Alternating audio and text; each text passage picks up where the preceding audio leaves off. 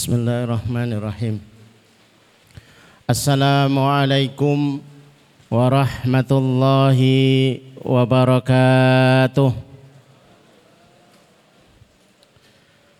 الحمد لله رب العالمين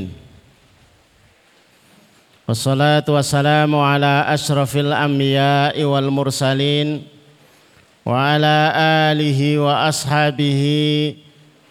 ومن تبعهم بإحسان إلى يوم الدين.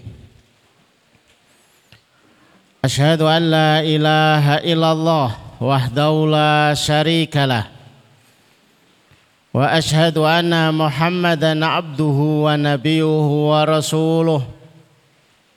لا نبي ولا رسول بعده.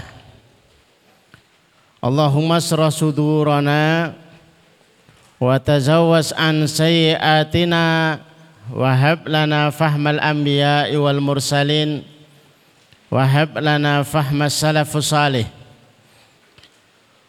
اللهم انفعنا بما علمتنا وعلمنا ما ينفعنا وزدنا علما ونعوذ بالله من أحوال أهل النار اللهم لا سهل illama ja'altahu sahla. Wa anta taj'alul hazna idza syi'ta sahla. Rabbi israh li sadri wa yassir li amri. Wahlul uqdatam min lisani yafqahu qawli rabbi zidni ilma. Subhanaka la ilma lana illa ma 'allamtana. Innaka antal alimul hakim. Rabbana atina min ladunka rahmah wa hayyi lana min amrina rasada. Amma ba'd Bapak Ibu jamaah sekalian yang semoga dirahmati Allah, semoga dicintai oleh Allah Subhanahu wa taala. Semoga diridhoi oleh Allah Subhanahu wa taala. Alhamdulillah sore hari ini suasana hujan disehatkan badan kita, dimampukan dan disampaikan di majelis. Bukan kita berkecil hati dengan hujan. Yang efeknya membuat kita lemah. Lemah itu kalau dipelihara jadinya nyerah Justru momentum yang dihadirkan Allah itu bisa menjadi sebuah momentum bernilai kalau kita bisa membacanya dengan hikmah. Ternyata kalau ke majelis ilmu pakai motor, pakai jas hujan, itu repot. Tetap aja ada basahnya. Berarti apa yang dibutuhkan? Butuhnya mobil Ya panjenengan minta sama Allah. Alasannya itu jauh lebih kuat gitu loh. Ya Allah. Kami ingin meningkatkan kehadiran di majelis ilmu. Tapi terganggu dengan sarana berupa kendaraan. Mohon diganti dengan mobil yang nyaman. Agar apa yang disebut oleh Rasulullah sebagai sia satu dunia litan fididin itu terlaksana mensiasati yang ada semua yang ada di dunia ini seluas-luasnya untuk melaksanakan Islam kita. Sebenarnya nggak ada perintah kita itu berharta atau sebutan lain kaya, mampu, tapi ternyata untuk melaksanakan Islam berupa haji itu butuh harta. Maka siasatu dunia litanfididin. Mensiasati dunia dan seisinya. Kalau perlu dunia harus dilipat untuk melaksanakan Islam ini. Lipat. Maka tidak ada yang mahal sekalipun dunia ini kita jual demi melaksanakan Islam kita. Ternyata untuk melaksanakan Islam berupa mencetak para penghafal-penghafal Quran itu harus membebaskan sekian hektar, bebaskan. ternyata butuh sekian miliar. Kita minta sama Allah.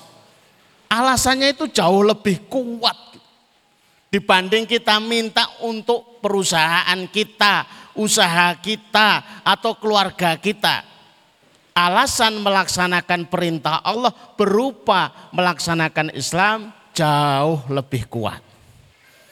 Ternyata dilihat di sekitar kita banyak anak-anak yatim, banyak mereka yang gak mampu, banyak yang putus sekolah jumlahnya banyak.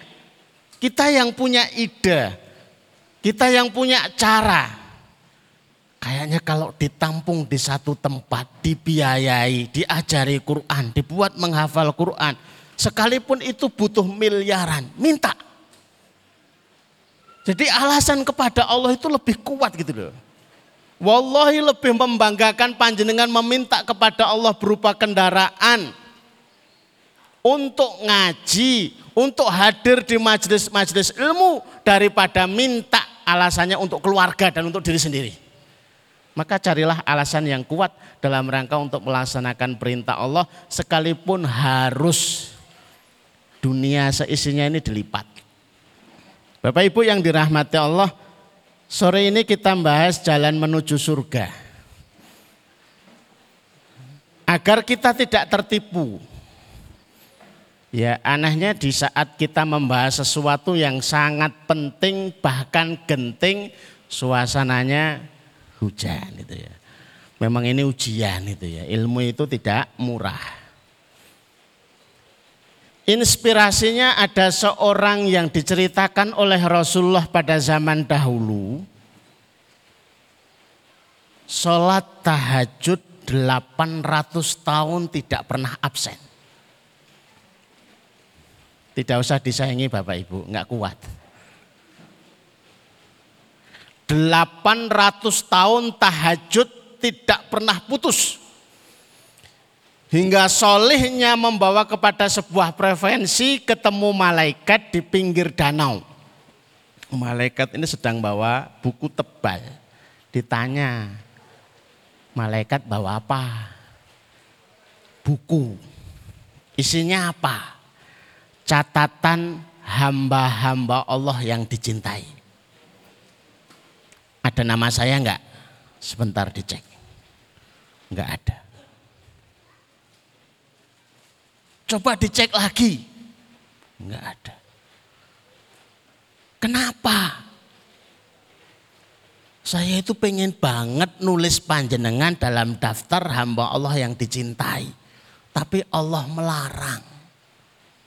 Nangis sejadi-jadinya hamba Allah ini tersungkur ya Allah 800 tahun tahajud ternyata belum menggerakkan untuk dalam catatan hamba Allah yang dicintai.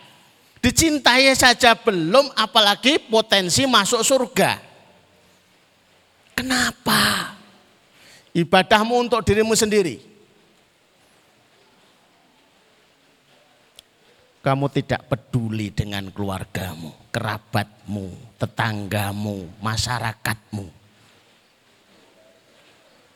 Maka ahli manfaat jauh lebih terhormat daripada ahli ibadah.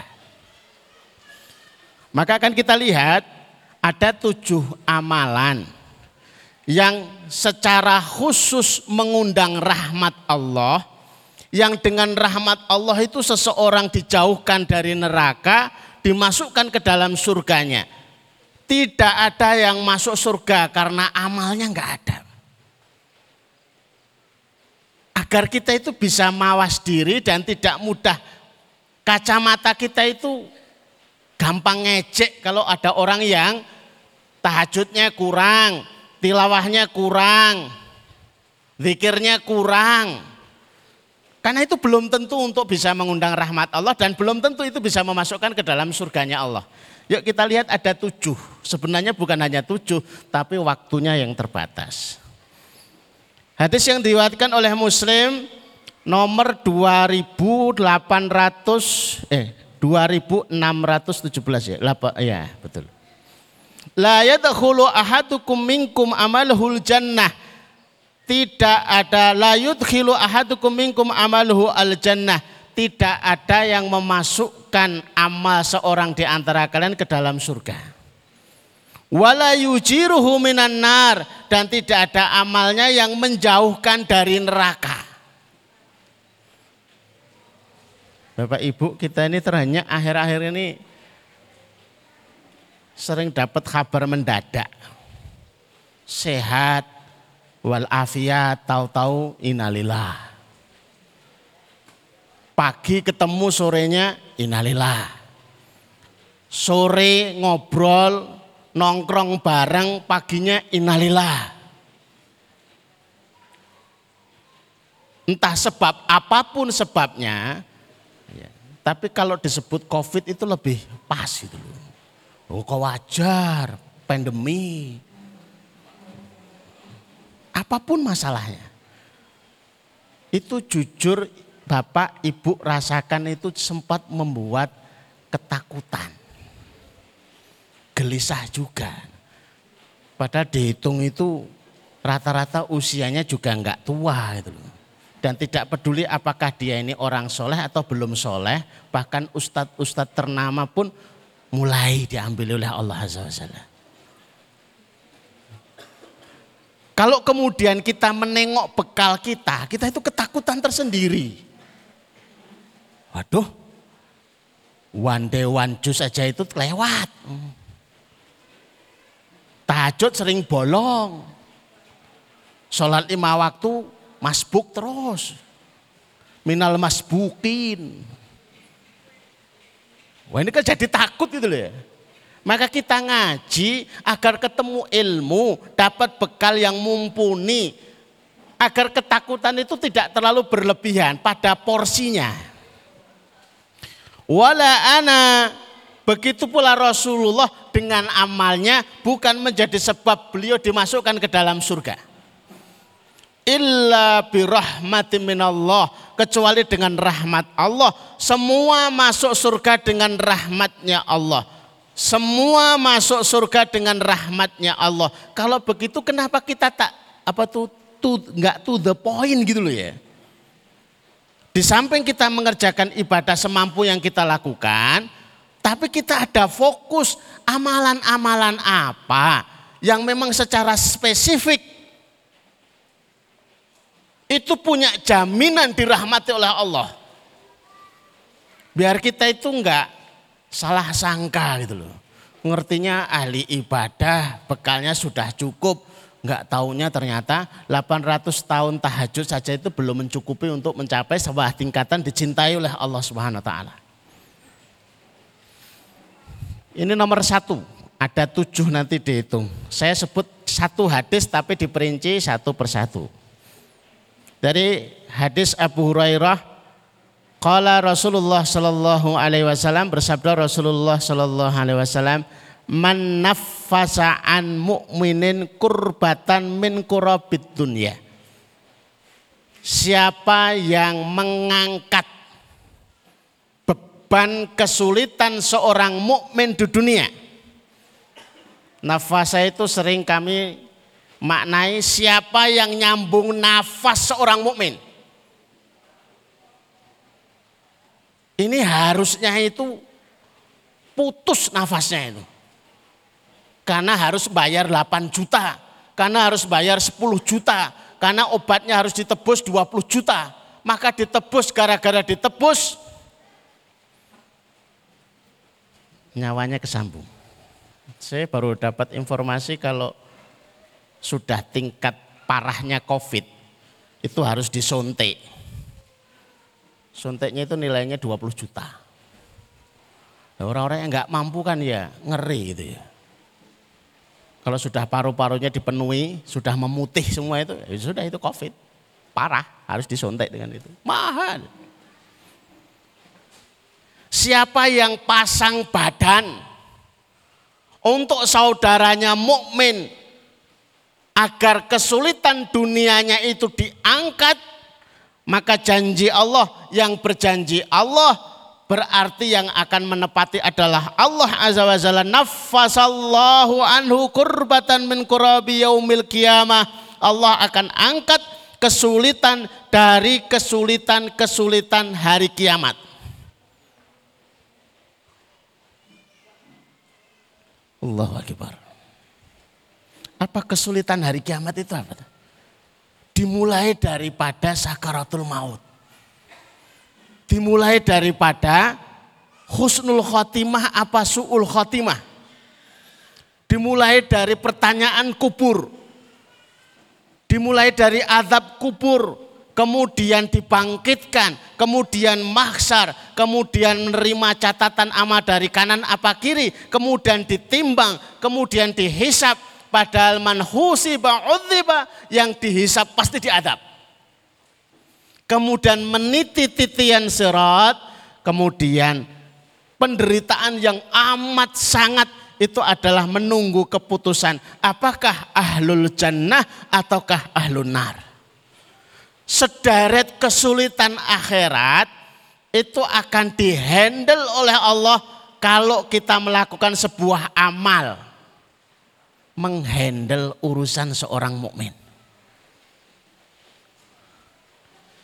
Anak yatim, enggak sebatang kara, enggak ada yang ngurus makan minumnya ambil tampung. Dijaga kehidupannya. Dijaga keberlangsungannya. Seorang ibu ditinggal suaminya, anaknya sepuluh, jatuh bangun untuk menafkahi anak-anaknya.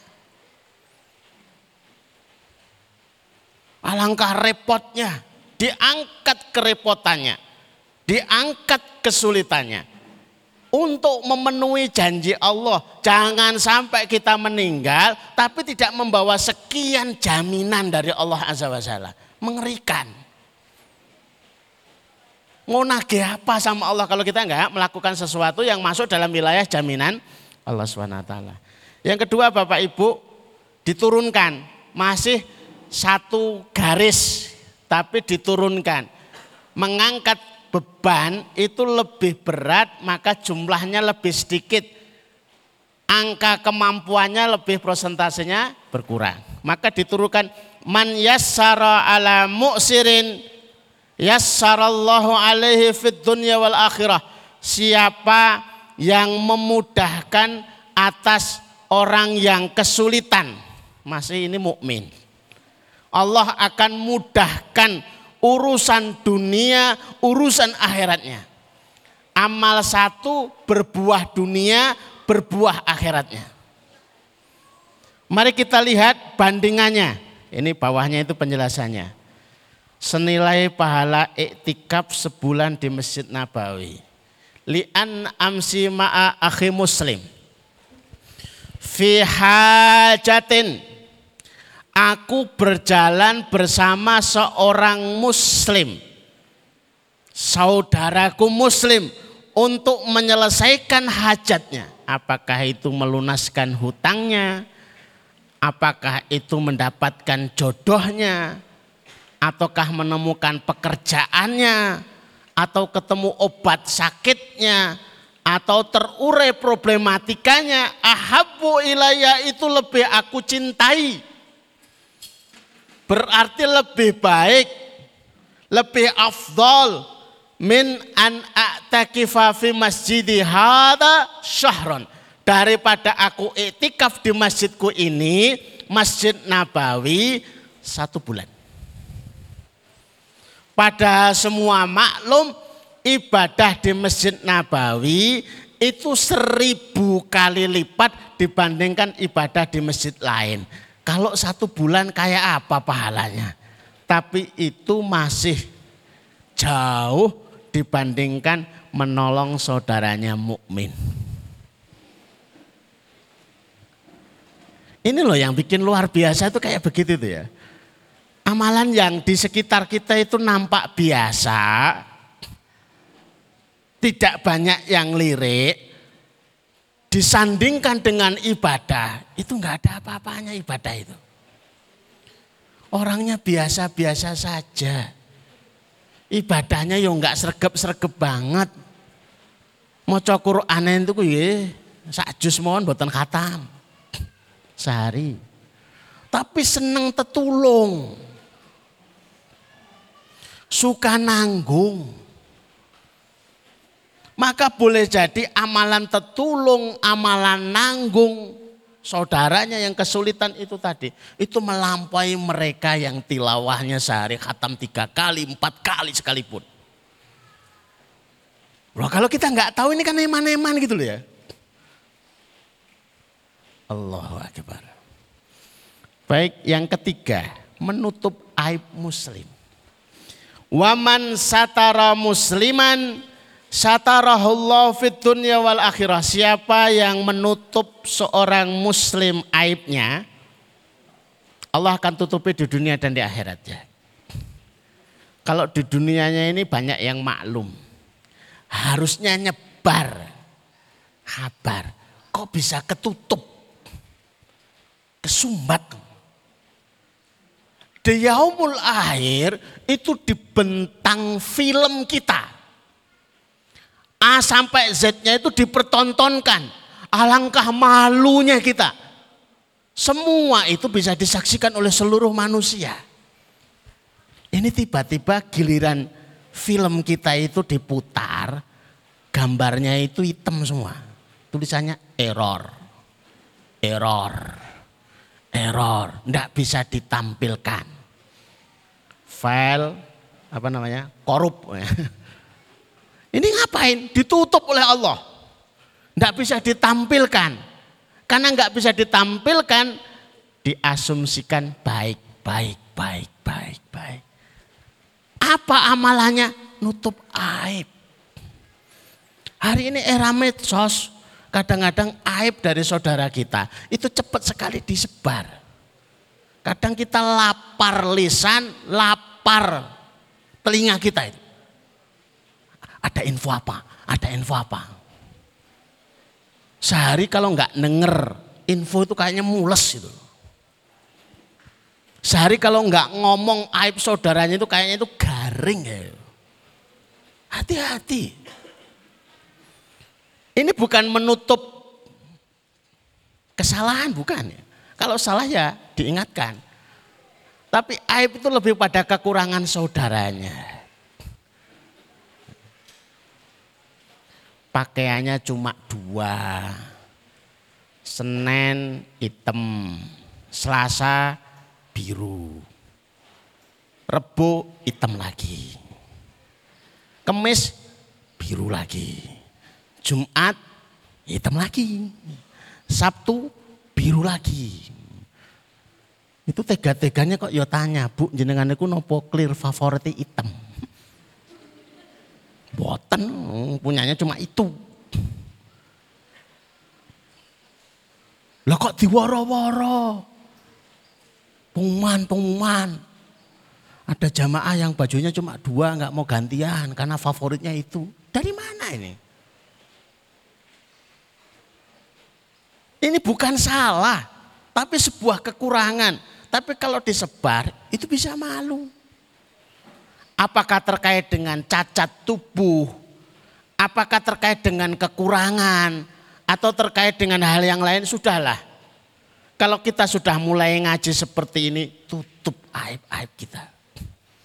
Dulu kalau mau berangkat umroh, saya itu suka mengumumkan, Bapak, Ibu, jamaah yang pengen nitip doa, silahkan ditulis. Saya awalnya berjanji akan membaca doa-doa mereka sekali asiknya. Puas kan bisa mendoakan satu persatu. Jadi nggak baca Quran tapi baca doa kertas kepean itu. Fulan, fulana, fulan, fulana. Tapi lama-lama kok tanpa disadari pulang dari umroh. Setiap jamaah yang saya temui itu saya tahu kekurangannya. Kayak di utang, kayak di masalah karo bojone, kayak apa itu belum kompak sama anaknya gitu. Oh, kok ngerti kabeh gitu. Kayak jaluk bojo wong India. Lu kok ngerti lu? Kayak jaluk iki lu. Wah, ini jadi aib ini. Begitu tahu ini madorotnya banyak, akhirnya esoknya lagi tak masukkan ke dalam tas saja terus tak tutup wis. Kalau perlu tak kunci. Wis ora usah masalah. Ya Allah, kabulkan doa-doa semua yang ada di tas ini. Amin. Selesai. Beres. Sak koper. kabulkan semuanya yang baik-baik. Walaupun akhirnya itu ya betul di dalam koper itu. Ini minta ini, ini minta ini, ternyata itu ternyata ber, berseberangan. Is biar saja, biar yang ngurus Allah saja daripada kita bacakan itu repot. Jadi menutup aib itu masya Allah. Uh, era hari ini itu mudah sekali ya. Nulis sedikit share, nulis sedikit share. Mau Facebook, mau IG, mau pakai grup. Berbahagialah ibu-ibu yang nggak suka medsos. Nggak apa-apa dikatakan gaptek nggak apa-apa. Dulu orang-orang tua kita itu diomong ke gaplek ya masalah kok. Hari ini diomong ke gaptek, oh biasa wae. Maka orang-orang dulu usianya lebih panjang daripada usianya hari ini. Karena memakai filosofi kura-kura. Kenapa kura-kura usianya lebih panjang? Karena dia nggak suka mendengar apa yang tidak harus didengar. Kalau dirasa nggak harus didengar ya sudah sembunyi di dalam tempurung selesai. Bisa nggak jenengan sembunyi dalam tempurung? Kayak kata dalam tempurung, wah masalah lagi gitu ya. Padahal itu lebih panjang usianya. Kita tuh kalau suka mendengar yang tidak harus didengar, akhirnya masuk ke dalam hati, akhirnya spam. Karena spam lelet, HP yang banyak spamnya itu masalah. Lah kita itu kalau banyak nyimpen informasi itu spam loh bu. Saya itu. Jangan suka dengan informasi-informasi yang tidak dibutuhkan, apa-apa yang harus tidak harus dilihat, tidak usah dilihat lah. Lihat yang harus dilihat saja. Kalau memang istrinya itu ya sudah itu saja yang dilihat itu loh. Dosanya apa tuh ngelihat istrinya orang lain. Tapi cantik ini kok. Enggak yo cantiknya sampai rumah. Enggak yo belakang rumah lebih cantik. Spam.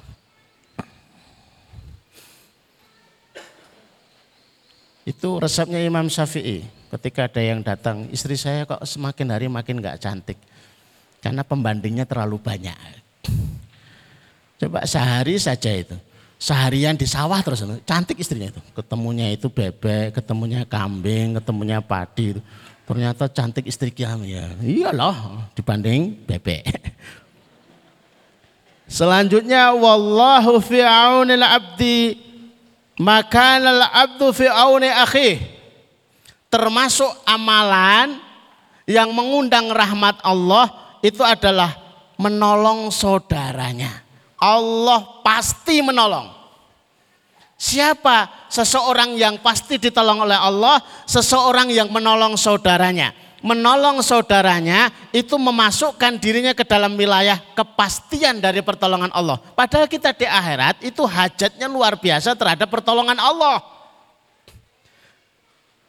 Menghadapi sakaratul maut itu butuh ditolong. Husnul khatimah itu butuh ditolong. Di alam kubur itu butuh ditolong. Mahsar butuh ditolong. Semuanya kita butuh ditolong. Lah simpanan kita apa? Saving pertolongan apa yang sudah kita simpan, kemudian kita bawa ke sana. Kalau ada yang menggelisahkan, membahayakan, tinggal di, ya Allah, kami punya jaminan engkau akan tolong. Kami akan punya jaminan engkau akan tolong. Selanjutnya, ini kita. Ternyata amalan kita itu disejajarkan dengan mengangkat beban. Disejajarkan dengan mengurangi kesulitan orang disejajarkan dengan menutup aib. Apa itu? Salaka tariqan yaltamisu fihi ilman sahalallahu lahu tariqan ila jannah. Siapa yang menempuh perjalanan untuk mencari ilmu? Yang dinilai apa? Ilmunya apa perjalanannya? Perjalanannya. Siapa yang menempuh perjalanan untuk mencari ilmu, Allah akan mudahkan perjalanannya menuju surga. Yang dihitung dalam hadis ini apa? Perjalanannya, bukan ilmunya. Panjenengan mudeng nggak mudeng nggak masalah. Sadar apa nggak sadar? Nggak masalah, nggak sadar itu ngantuk. Gitu. Ketinggalan di mobil, gitu. yang lain sudah ke sini semua dia masih ketinggalan di mobil. Begitu sudah, ayo pamit, loh pengajiannya selesai.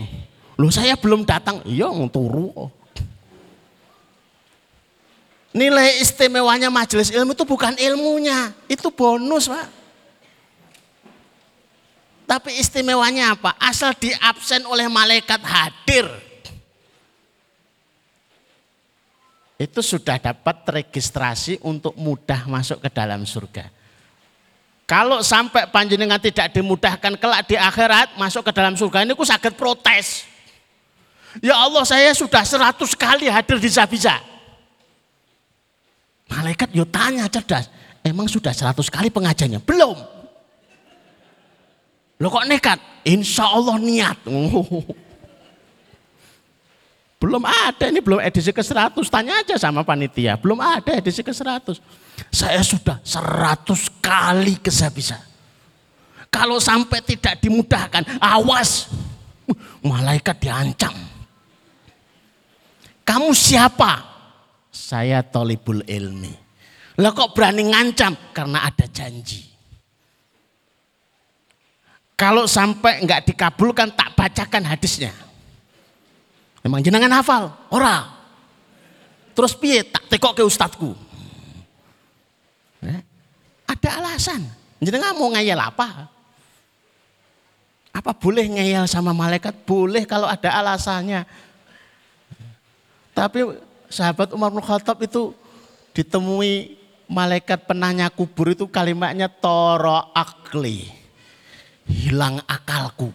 Itu kelas Umar bin Khattab itu ya. Jawaranya jawara. Para sahabat itu ketemu dua malaikat itu hilang akalnya. Sendi-sendi tubuhnya kayak dilolosi gitu loh. Itu sudah sudah mau menyerah. Tapi kemudian ada teriakan yang membentak malaikat, tinggalkan hambaku ini. Aku sudah memaafkannya. Kenapa ya Allah? Apakah karena kezuhutannya? Apakah karena ibadahnya? Ataukah karena adilnya ketika memimpin? Bukan.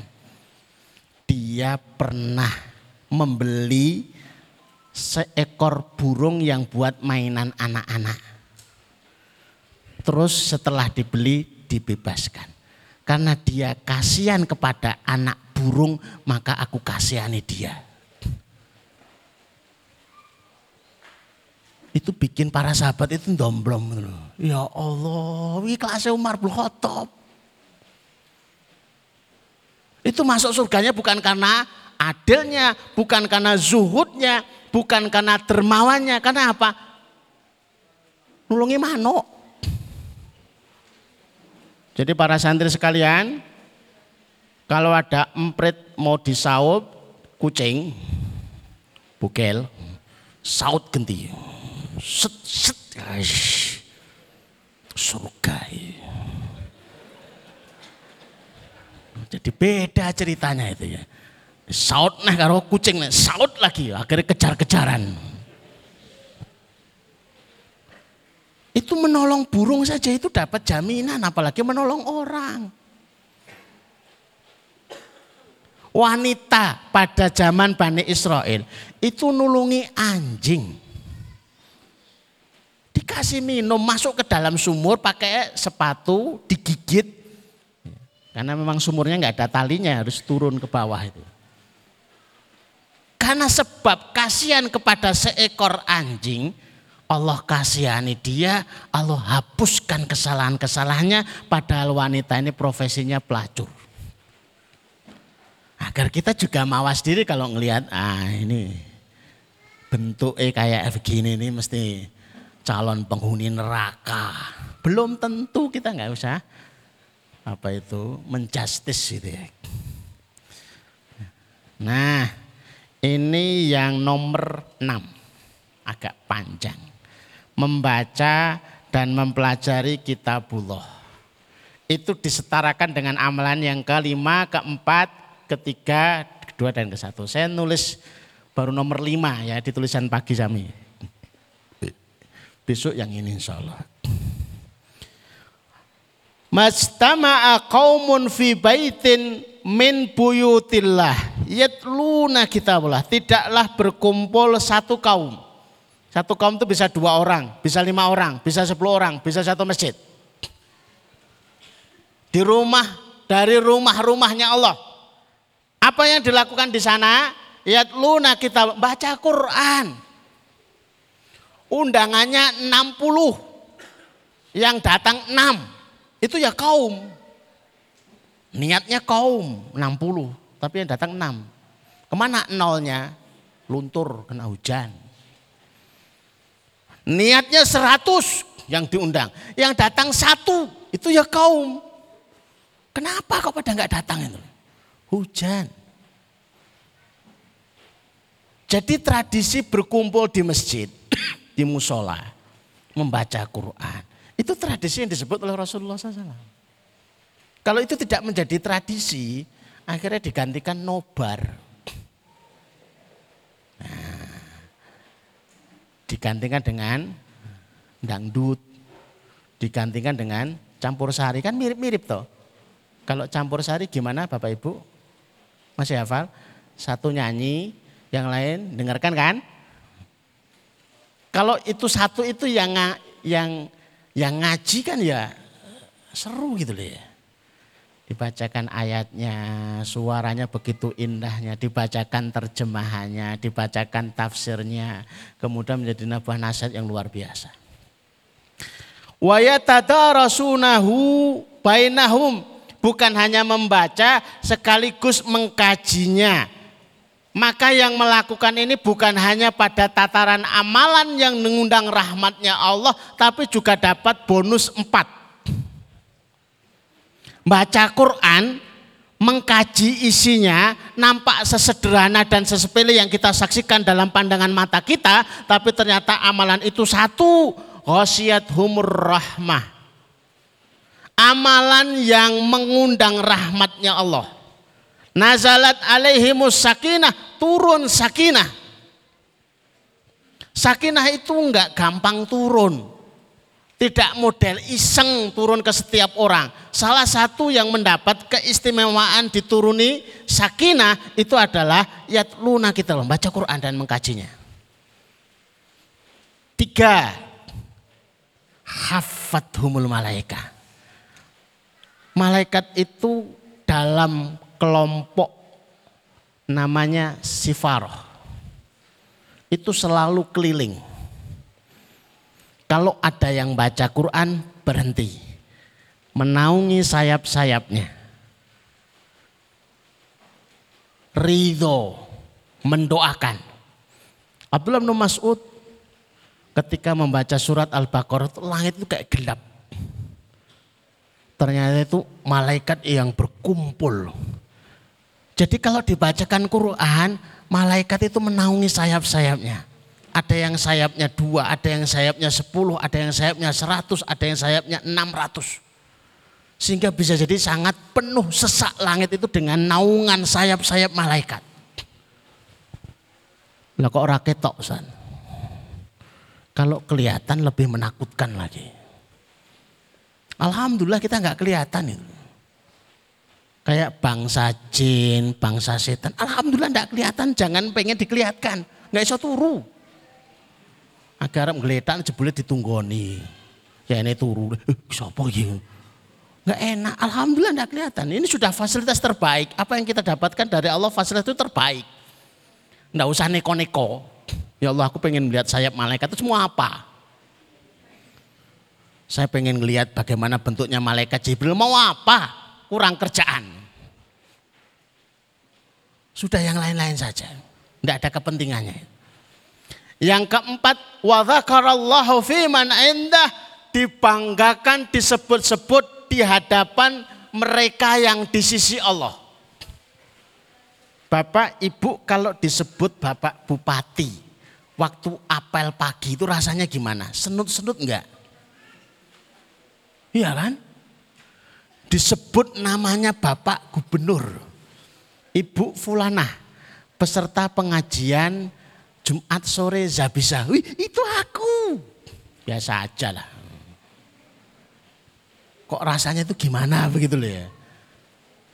Disebut di istana negara sebagai peserta kehormatan.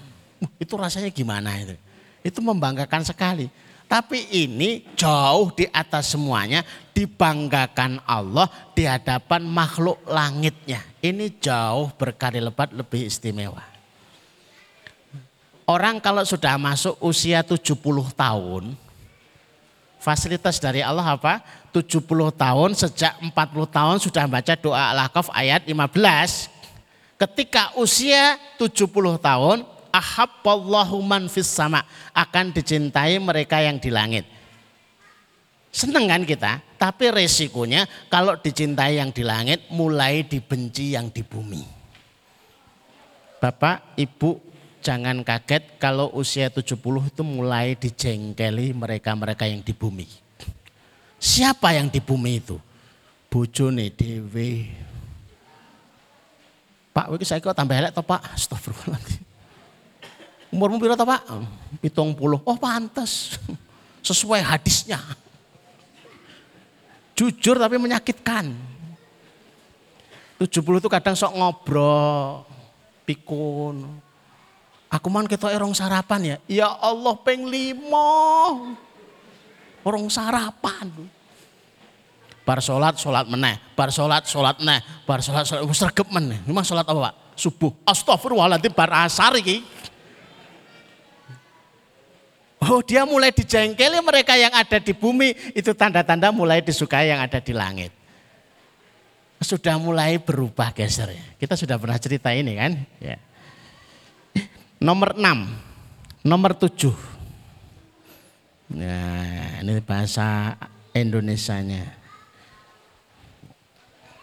Waman bato'a bihi amaluhu lam yusri bihi nasabu Siapa lambat beramal, nasabnya tidak mempercepatnya.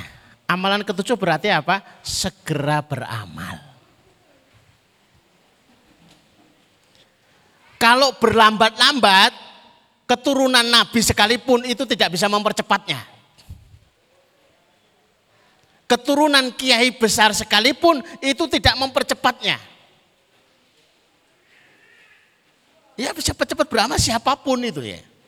Maka Abu Dhar Al-Ghifari bertanya kepada Rasulullah, Ya Rasulullah, alimni amalan, ajarkan kepadaku sebuah amal. Yubaiduni anin nar wa yudkhiluni al jannah menjauhkanku dari neraka memasukkanku ke dalam surga. Rasulullah menyebut idza amilta sayyi'atan fatba'ha hasanatan. Kapan pun kamu beramal buruk, segera secepatnya kamu ikuti dengan yang baik. Niscaya akan menghapuskannya. Salah itu sifat manusia. Maka tidak ada pendidikan steril itu enggak ada. Anak nggak boleh sama sekali salah itu nggak ada, mesti salah. Karena fitrahnya adalah salah.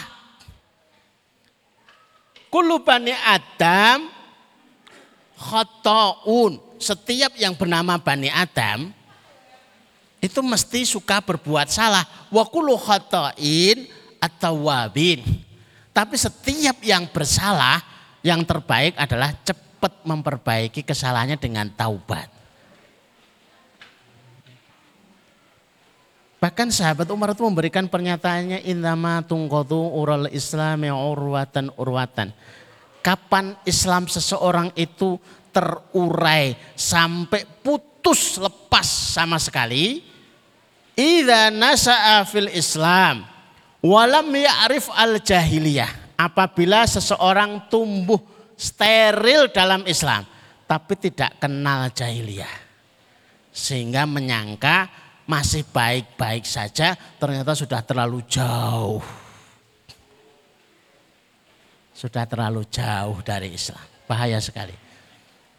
Jadi amalan yang setara dengan rahmat Allah itu bisa dalam jaminan meringankan beban, menutup aib, meringankan kesulitan. Kemudian setara dengan tolabul ilmi itu apa? Segera dalam kebaikan.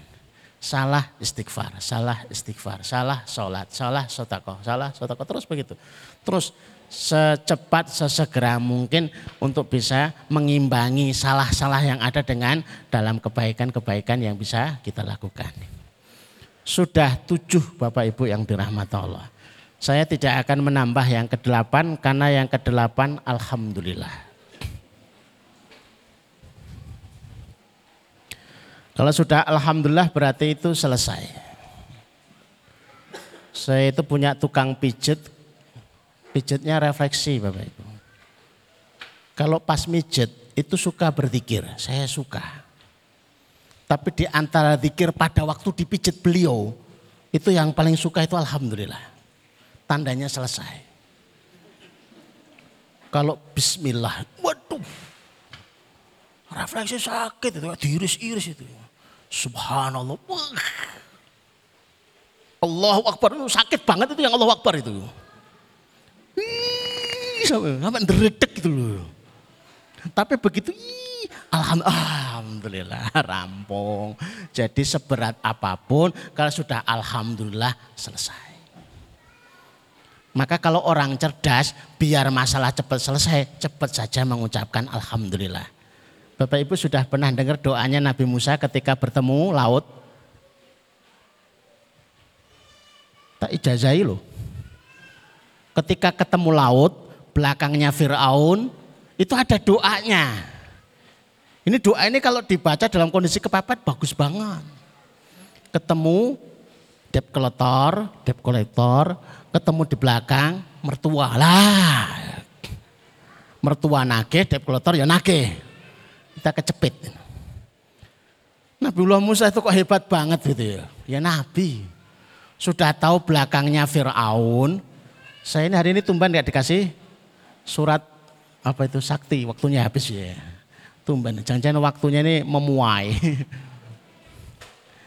belakangnya laut. Eh, depannya laut, belakangnya Fir'aun. Fir'aun, bala tentaranya.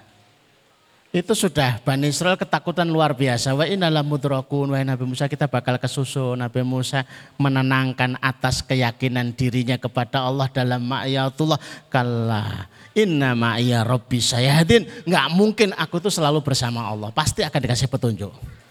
Pun demikian seseorang yang meminta pertolongan Allah. Nabi sekalipun itu mesti menggunakan password minta pertolongan kok batin. Orang no ceritane. Jadi kalau mereka terdampar di pulau butuh pertolongan itu nulis SOS. Ngertos Pak ya? SOS itu. Minta bantuan. Tanda panjenengan minta bantuan itu apa? Itu ojo ngarang. Tulung, tulung, Orang ngono password itu ya. Ada passwordnya sendiri. Nabi Musa melempar password dengan kalimat doa. Nabi Ayub juga punya, Nabi Yunus juga punya, Nabi Ibrahim juga punya, Rasulullah juga punya. Tapi yang kita bahas kali ini adalah doanya Nabi Musa. Allahumma lakal hamdu. Cakep. Bapak Ibu kalau dalam kesulitan yang amat sangat, masihkah bisa mengucap Alhamdulillah?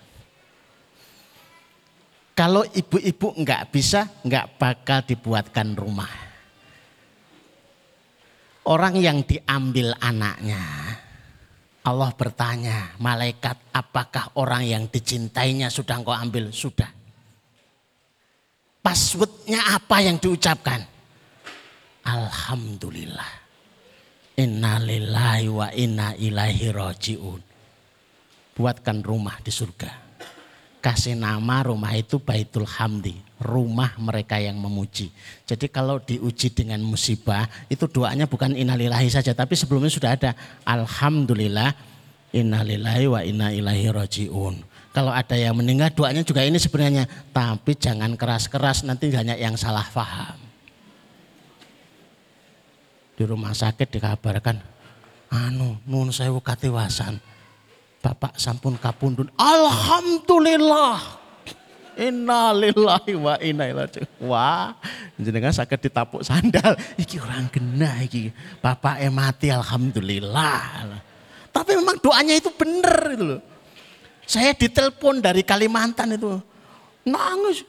Ustadz ibu saya meninggal. Ucapkan Alhamdulillah innalillahi wa inna Sudah saya ucapkan tapi masih terguncang. Ucapkan lagi. Keraskan lagi. Akhirnya bengok di rumah sakit. Alhamdulillah. Innalillahi wa Itu rumah sakit pada ngelirik semua ke dia itu. Ada apa itu? Ibu e mati. Lu kok seneng bagian warisan? Salah faham.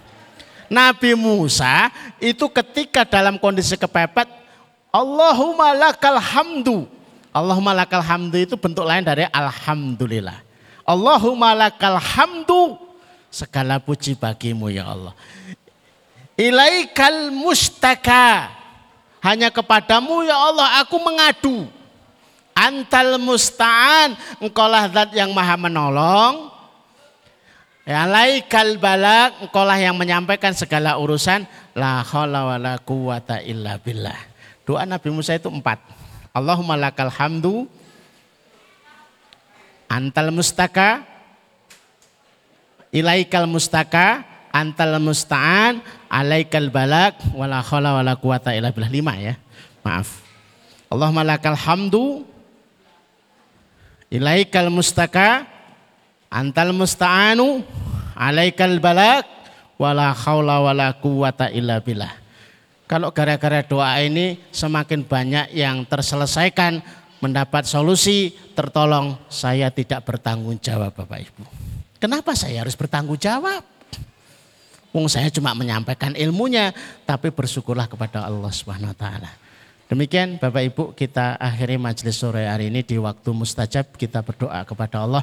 Mudah-mudahan urusan-urusan kita dimudahkan oleh Allah, masalah-masalah kita diangkat oleh Allah SWT, rezeki kita diberkahi oleh Allah SWT, keluarga kita, anak-anak kita, keturunan kita jadikan keturunan-keturunan yang saleh dan salehah dan kita dicintai oleh Allah SWT. Bismillahirrahmanirrahim. Allahumma salli ala Muhammad wa ala ali Muhammad kama sallaita ala Ibrahim wa ala ali Ibrahim innaka Hamidum Majid. Allahumma barik ala Muhammad wa ala ali Muhammad kama barakta ala Ibrahim wa ala ali Ibrahim fil alamin innaka Hamidum Majid. Walhamdulillahi rabbil alamin. Bismillahirrahmanirrahim. Alhamdulillahi rabbil alamin. Rahmanirrahim maliki yaumiddin. Iyyaka na'budu wa iyyaka nasta'in. اهدنا الصراط المستقيم صراط الذين أنعمت عليهم غير المغضوب عليهم ولا الضالين آمين لا إله إلا أنت سبحانك إني كنت من الظالمين لا إله إلا أنت سبحانك إني كنت من الظالمين لا إله إلا أنت سبحانك إني كنت من الظالمين اللهم يا رحمن يا رحيم يا حي يا قيوم يا ذا الجلال والإكرام اللهم يا رحمن يا رحيم يا حي يا قيوم يا ذا الجلال والإكرام اللهم يا رحمن يا رحيم يا حي يا قيوم يا ذا الجلال والإكرام Allahumma inna nas'aluka min khairin ma sa'ala minhu nabiyuka Muhammad sallallahu alaihi wasallam.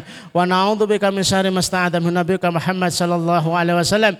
Antal musta'an. Alaikal balak wala haula wala quwwata illa billah. Ya Allah sesungguhnya kami memohon kepadamu seluruh kebaikan. Yang kebaikan itu pernah diminta oleh nabi kami sallallahu alaihi wasallam. Ya Allah sesungguhnya kami meminta perlindungan. Yang perlindungan itu pernah diminta oleh nabi kami sallallahu alaihi wasallam.